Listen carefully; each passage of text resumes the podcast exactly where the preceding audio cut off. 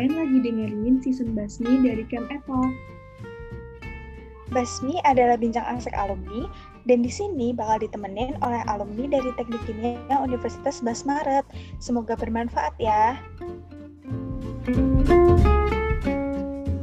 Halo semua, welcome to Kemi Talk, Basmi Bincang Asik Alumni, episode ketiga, yeay! Oke, jadi gimana nih teman-teman, udah pada kangen belum sama Kemi Talk? Udah lah ya pastinya ya. Oke, I assume the answer is yes ya. Maksa banget deh. Oke, jadi uh, karena Kemi Talk udah lama nih nggak update ya setelah dua episode kemarin. Nah sekarang kami tuh udah comeback dengan episode ketiga. Asik comeback nggak tuh kayak boy boy group aja gitu kan comeback. Nah, oke. Okay. So, jadi di episode ketiga ini kita bakal ngebawain tema yang gak kalah seru nih dari dua episode sebelumnya, yaitu tips and trick interview dalam dunia kerja. Wow, menarik banget gak sih? Oke, okay, tapi sebelumnya ya guys, uh, aku mau kenalan dulu nih gitu kan. Katanya tak kenal maka tak sayang gitu. Jadi siapa tahu kalau misalnya udah kenalan kalian bisa sayang sama aku. Nggak canda, canda ya guys. Oke, okay, jadi kenalin dulu aku Haura dari Teknik Kimia UNS angkatan 2020 dan di sini aku sebagai podcaster yang bertugas uh, pada Kemito kali ini. Oke, so langsung aja nih. Jadi kan tadi aku sempat mention bahwa tema kita itu tips and trick interview dalam dunia kerja. Jadi di sini kita bakal mengulik-ngulik nih tips and triknya itu gimana, jurus-jurus saktinya itu gimana kalau gitu kata orang gitu kan. Oke, jadi uh, di sini kita juga bakal kedatangan narasumber kece kita, yaitu ada Mas Muhammad Helmi Aditya, yang mana merupakan alumni dari Teknik Kimia UNS tahun 2012. Ayo deh langsung aja kita sapa-sapa dulu. Halo Mas Helmi. Ya, halo. Halo, gimana Mas kabarnya hari ini? Alhamdulillah baik, uh, sehat selalu ya untuk Mbak Haura juga. Oke, okay. baik sehat selalu juga Mas. Oke, okay, jadi uh, boleh tanya-tanya dulu nggak nih Mas? Kira-kira uh, se sekarang ini Mas lagi kerja uh, di mana gitu? Uh, saya kerja di Pertamina, tepatnya di penempatan di Balongan ya, Indramayu, di kilangnya, kilang refinery unit 6. Oke Mas, kemarin juga saya sempat kepoin nih LinkedIn dari Mas Helmi gitu kan. E, jadi di situ tertera kalau misalnya Mas Helmi itu uh, adalah uh, proses engineer ya Mas di tek, di Pertamina itu. Iya betul, saya bekerja sebagai proses engineer kurang lebih sudah empat tahun lah kalau dari 2017 ya. Oh, udah lama ya Mas, udah cukup lama ya? Iya masih junior lah ibaratnya. Oke, oke. Uh, jadi kan uh, Mas Helmi itu udah gabung dari Perta di Pertamina uh, sejak tahun 2017 ya. Nah itu boleh tahu nggak sih Mas awalnya Mas bisa dapat info ada lowongan pekerjaan di Pertamina itu dari mana gitu Mas? Nah itu ketika saya dapat info ini, saya itu dulu bekerja di sebuah pabrik manufacturing plastik ya di Lotte Packaging namanya di Tangerang. Nah, di situ saya kebetulan uh, dapat info dari web ya dulu ya, dari web untuk melakukan pendaftaran langsung ke web Pertaminanya. Jadi saya coba play di situ ketika saya sedang bekerja di perusahaan. Oh oke okay, mas. Tapi mungkin mas ada ini nggak sih mas rekomendasi kayak platform-platform atau web-web yang emang uh, di situ banyak banget gitu informasi lowongan kerja mungkin bisa jadi uh, sumber informasi juga nih buat mas mbak kita yang baru aja lulus gitu. Nah itu kalau sumber ya sekarang tuh maraknya di Telegram. Jadi Telegram tuh banyak uh, grup-grup ya grup-grup lowongan kerja untuk perusahaan asing maupun dalam negeri ataupun BUMN PNS juga banyak di situ. Jadi eh, sebaiknya eh, teman-teman bisa install Telegram ya. Jadi infonya di situ luas sih sebenarnya sih. Wow, ternyata dari Telegram itu banyak ya mas informasinya. Saya baru tahu gitu. Iya, saya juga dulu baru tahu sih. 2016.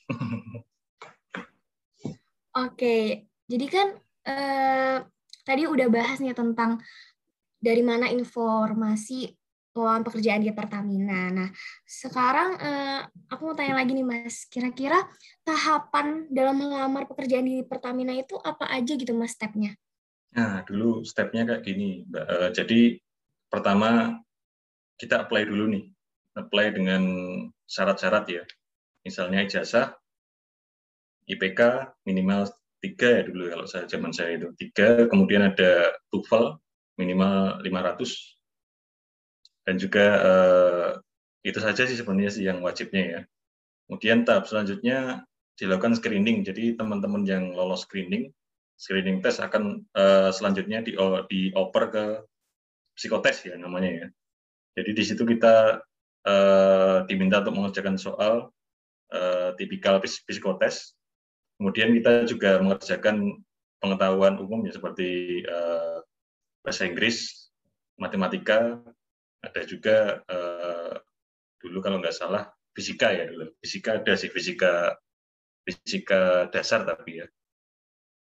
Nah setelah uh, selesai dari tes itu kita lanjut ke uh, interview. Nah interview ini dibagi menjadi dua tahap.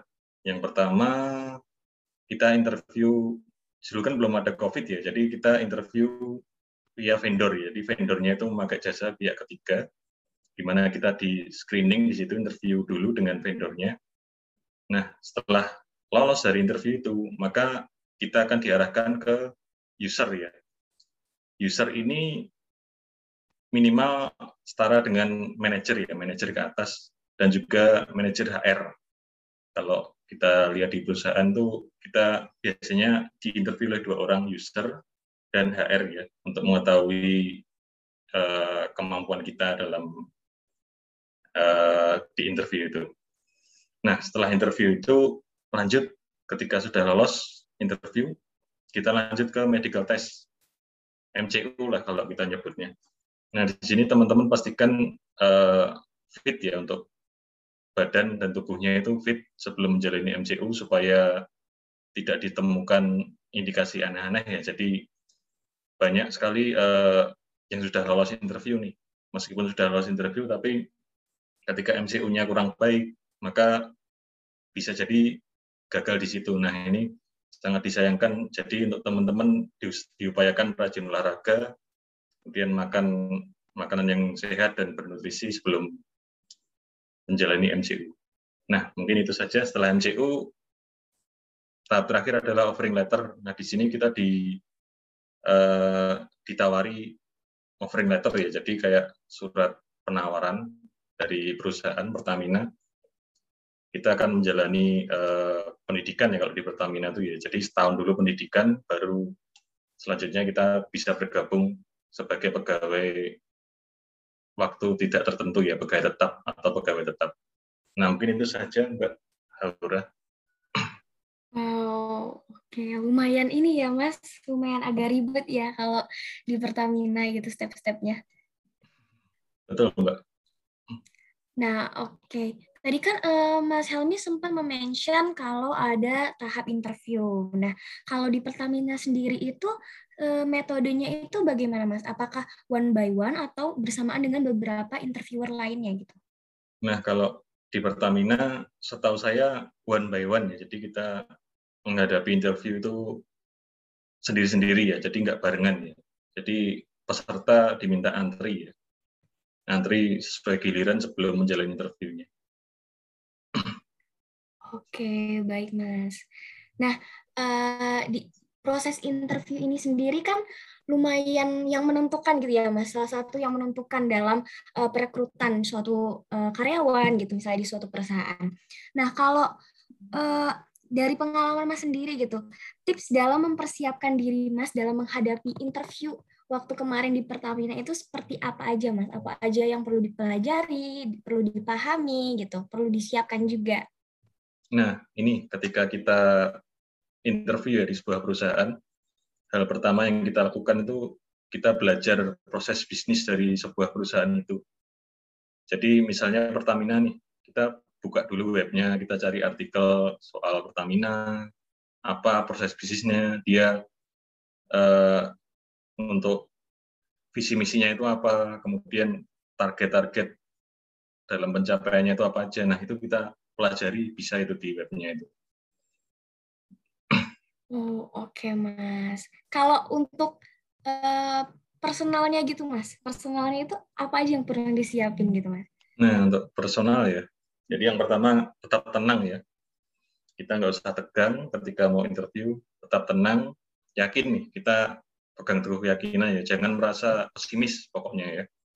Jadi uh, ada pepatah ya uh, bahwa kegagalan itu merupakan awal kesuksesan. Jadi nggak apa-apa nih kita nyoba dulu, hasilnya nanti. Nah, sharing aja nih tambahan. Jadi dulu saya pernah gagal nih Pertamina di tahun 2016 ya. Saya dulu interview gagal di situ.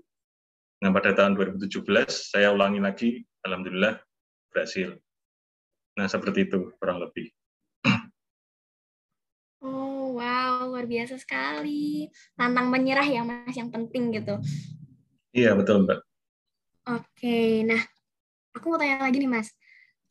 Kalau dalam interview kan uh, yang dinilai itu bukan jawaban kita aja gitu ya, jawaban tok gitu aja gitu kan. Hmm. Tapi juga kayak ada mannernya di situ yang dinilai. Nah, kalau menurut Mas sendiri uh, mengenai postur tubuh atau sikap yang baik selama interview itu gimana Mas? Mungkin juga bisa nada bicaranya yang tepat itu bagaimana gitu. Nah, ini biasanya kalau kita di interview kan dengan orang-orang yang lebih senior ya atau lebih tua dari kita ya. Nah, di situ kita tunjukkan rasa hormat kita, kita dengan kalau orang Jawa itu nadanya yang halus ya beratnya kalau kita orang Jawa ya misalnya. Kalau saya kan orang Solo jadi lebih uh, halus lah kalau bisa bisa berbicaranya gitu. Nah jadi uh, yang pertama ketika kita diajak bicara interviewer kita tatap mata ya kita tatap matanya namun tidak uh, matanya itu jangan menunjukkan ketegangan atau jadi santai aja, relax, kita tatap mata, kemudian ketika ada uh, ketika beliau mengajak berbicara, kita coba jawab dengan uh, sebisa kita ya. Jadi postur tubuhnya itu santai aja, relax intinya. Begitu. Oke, Mas. Kemudian kalau misalnya kan kadang di interview itu seringnya ya hampir hampir seluruh interview kayaknya suruh memperkenalkan diri gitu untuk diminta memperkenalkan diri sendiri. Nah, itu cara memperkenalkan diri yang baik itu bagaimana Mas yang bisa meninggalkan kesan gitu di interviewernya? Kira-kira apa aja mungkin yang bisa kita mention dari perkenalan diri itu? Nah, ini merupakan penting juga sih jadi membentuk kesan pertama ya. Kesan pertama interviewer itu tertarik untuk menginterview kita di wawancara ya. Jadi yang pertama kita sebutkan dulu nama kita, asal kita, kemudian kita lulusan mana. Jadi ini tiga poin ini yang penting ya. Jadi sebelum uh, melakukan interview kita melakukan perkenalan itu. Kemudian uh, yang keempat ketika kita ditanya untuk interviewer alasan kita untuk berminat untuk bergabung di suatu perusahaan itu apa? Nah, kita terangkan aja. Jadi misalnya nih di Pertamina ya, alasan untuk bergabung kenapa? Nah, yang pertama kita sampaikan contohnya ini ya. Ingin uh, menggali potensi misalnya, menggali, potensi sebagai uh, lulusan teknik kimia dengan bekerja di bidang proses engineering maupun refinery ya. Jadi di sini interviewer tuh pasti akan tertarik untuk menggeledah ya, ibaratnya menggeledah uh, lebih dalam lagi uh, seberapa paham kita tentang Pertamina itu. Ya. Wow, oke okay, Mas. Terus kan ya Mas, eh, biasanya kita juga ada tuh dikasih waktu untuk membranding diri kita sendiri. Nah, itu tuh caranya gimana gitu, Mas? Kita bisa membranding diri kita sendiri dengan baik, dengan tepat, tanpa terkesan berlebihan gitu. Nah, di sini uh, khususnya untuk teman-teman fresh graduate ya, misalnya ya, kalau belum punya pengalaman kerja, kita sampaikan aja kegiatan kita di kampus, organisasi, pernah bergabung di apa aja Kemudian untuk uh, akademis kita kita tidak perlu men, uh, menceritakan IPK kita berapa ya di sini. Jadi IPK itu sudah di screening sejak awal. Jadi kita tidak perlu menyampaikan IPK kita ke interviewer ya. Di sini kita cukup menyampaikan uh, di kampus tuh akademisnya, misalnya kita pernah menjadi asisten dosen, pernah uh, membantu proyek penelitian misalnya. Nah, seperti itu aja kalau saran saya ya. Oke Mas, tapi uh, melanjut nih tentang pertanyaan saya tadi gitu kan. Uh, jadi kadang tuh misalnya ya disuruh, ketika kita disuruh untuk membranding diri kita sendiri, kadang suka terbawa suasana gitu nggak sih Mas? Kayak uh, saya, ini pengalaman pribadi saya gitu, jadi ketika saya pernah mengalami interview itu kemudian disuruh untuk membranding diri saya sendiri gitu, uh, saya jadi apa ya karena terlalu semangat itu jadi kayak mungkin agak terkesan over proud gitu terhadap diri sendiri. Nah itu tuh gimana cara mengontrol emosi biar nggak ke bawah suasana dan nggak terkesan over proud. Padahal sebenarnya niat kita bukan seperti itu gitu. Nah ini uh, sebenarnya tergantung yang melakukan interview juga ya. Misalnya yang melakukan interview tidak keberatan dengan penjelasan yang sangat detail dari kita, maka tidak apa-apa. Namun kalau jika interview dirasa kurang tertarik atau kurang mengarah ke situ, maka saran saya untuk ke depannya eh, kita cukup eh, menyampaikan beberapa hal singkat soal pengalaman kita. Nah, nanti dari interview akan melakukan feedback. Kita tunggu feedback dari mereka sebelum kita jelaskan lebih lanjut, seperti itu. Jadi kita menunggu feedback aja setelah kita menjelaskan uh, pengalaman kita ya seperti itu. Oke, baik Mas. Wah, terima kasih sekali Mas tipsnya. Waduh, uh, keren banget sih ini. Bahasan kita kali ini menarik sekali gitu kayak saya semakin excited gitu semakin lama. Nah, uh, kemudian uh, saya punya pertanyaan lagi nih Mas. Kadang kan di interview itu ada beberapa pertanyaan-pertanyaan yang riskan atau terkesan menjebak gitu. Nah, itu bagaimana sih cara kita menjawabnya? Misalnya kayak uh, saya uh, sering dengar nih katanya uh, ketika interview di suatu perusahaan kadang ada beberapa perusahaan yang menanyakan tentang uh, gaji gitu. Gaji berapa yang ingin calon karyawan itu minta. Nah, itu misalnya contohnya seperti itu gitu Mas. Nah, itu cara menjawabnya bagaimana ya Mas kira-kira? Nah, jujur saja ya ketika saya melakukan interview di beberapa perusahaan dulu, sebelum di Pertamina ya. Uh, jadi beberapa perusahaan tuh selalu menawari pertanyaan itu ya. Jadi gaji berapa yang Anda harapkan seperti itu. Nah, kalau dari saya uh, sebagai fresh graduate ya, kita jawab gini aja. Jadi kita balikkan ke interviewer. Uh, gaji yang saya harapkan sebagai fresh graduate uh, yang cocok berapa Pak? Misalnya gitu ya. Kita balikkan aja pertanyaan itu ke interviewer. Jadi mereka akan uh, melakukan interview balik ke kita, penawaran seperti apa gaji. Nah, di situ kita bisa melakukan negosiasi ulang jika sudah dapat feedback itu.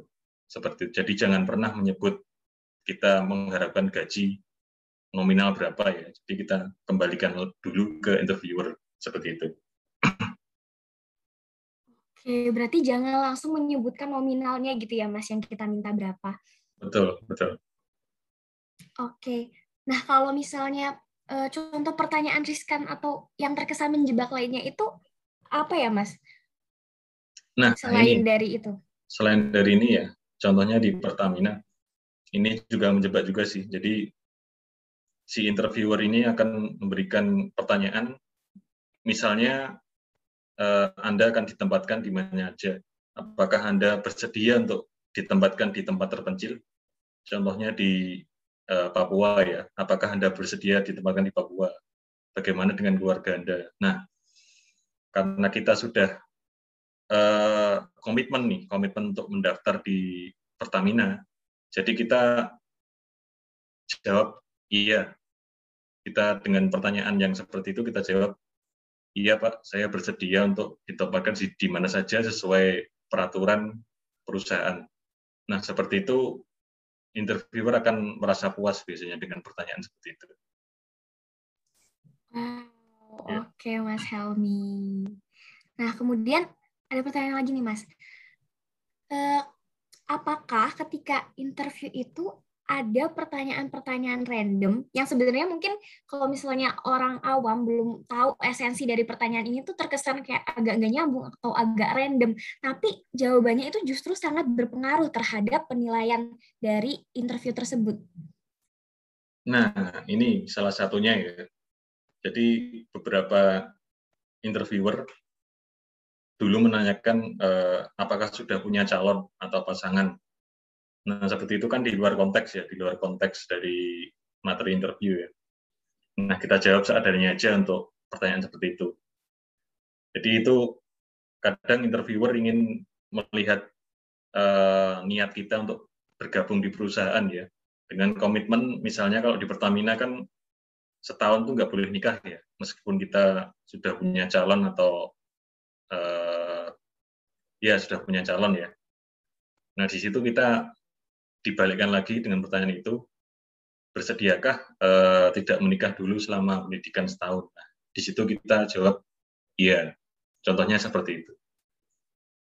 Oke, baik Mas. Berarti jawab saja apa adanya gitu ya, Mas? Betul, jawab apa, apa adanya. Betul. Oke, Mas.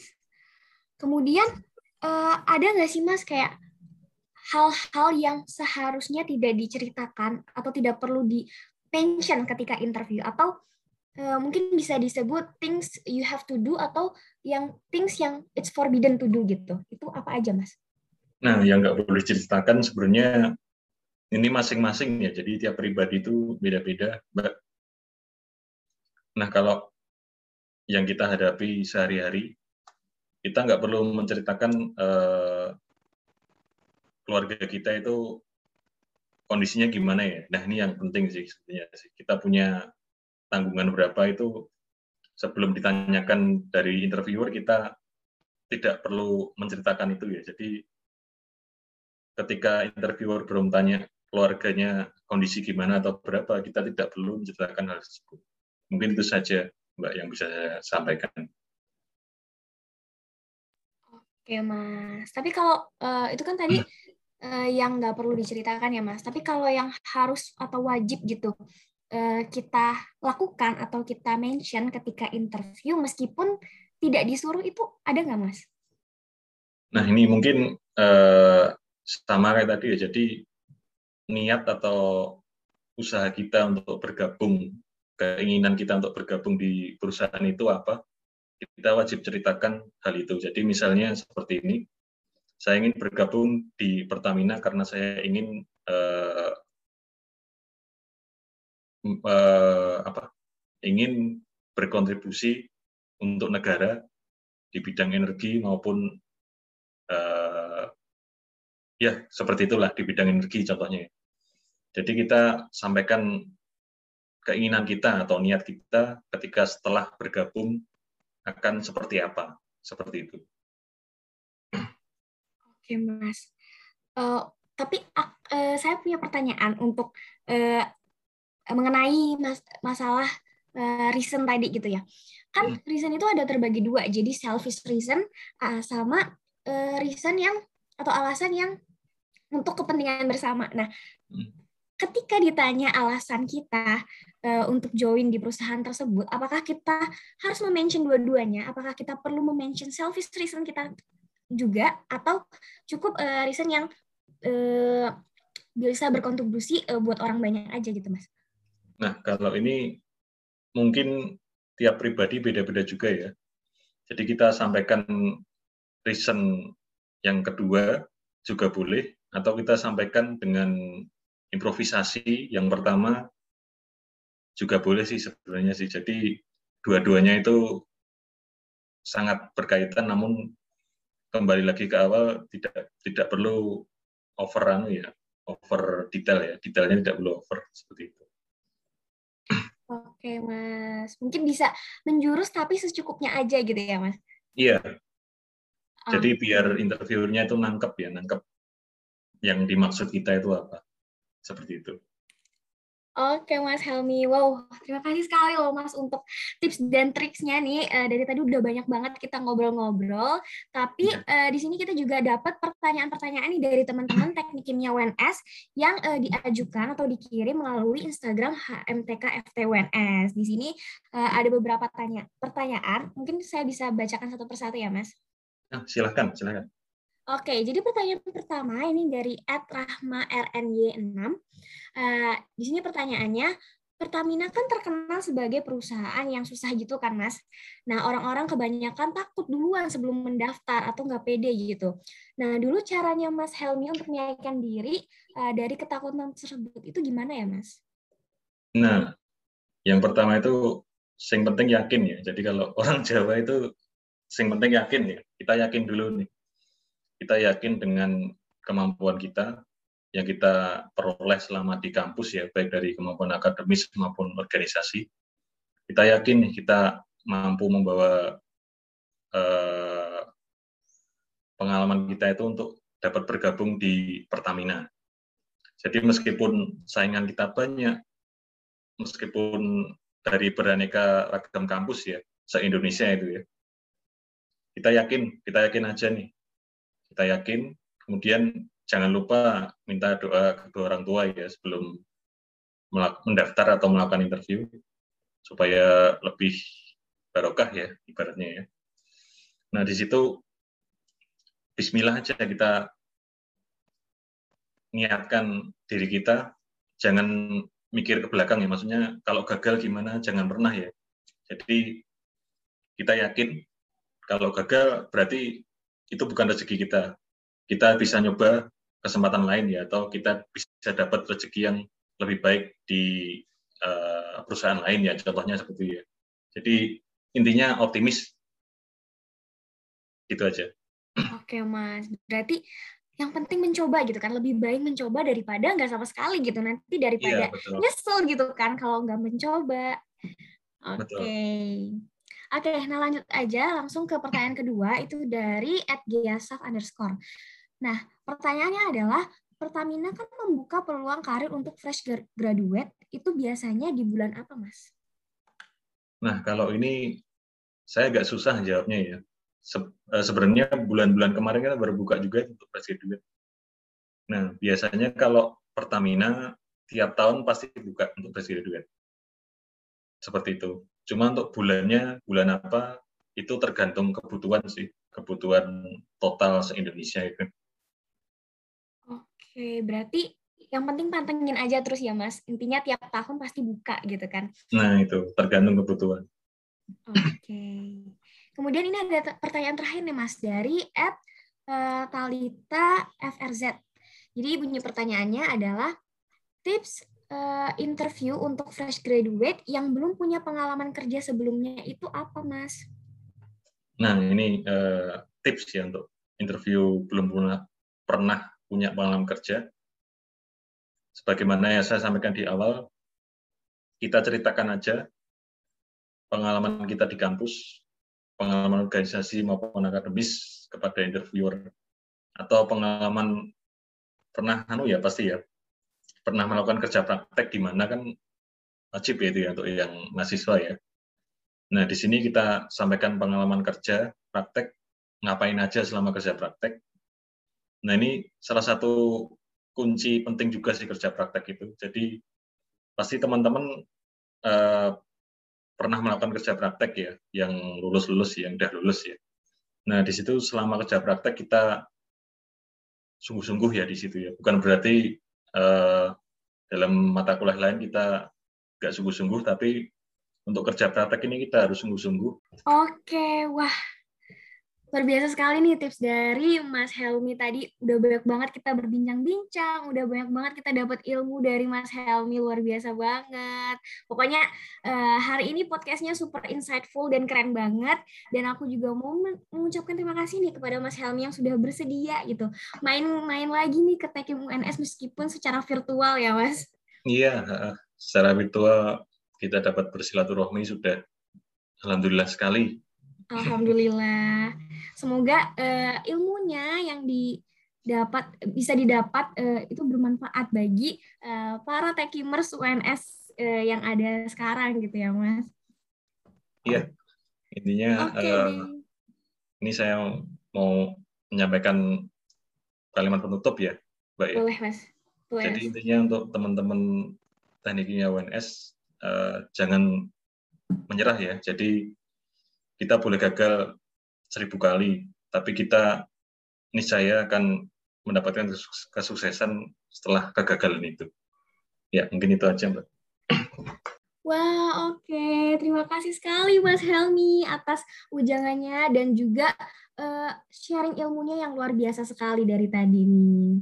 Nah, oke. Okay. So, this is the end guys for our podcast Kemi Talk uh, episode ketiga kali ini. And thank you so much uh, untuk semua yang udah dengerin sampai habis dan see you soon guys. Bye. Have a good day.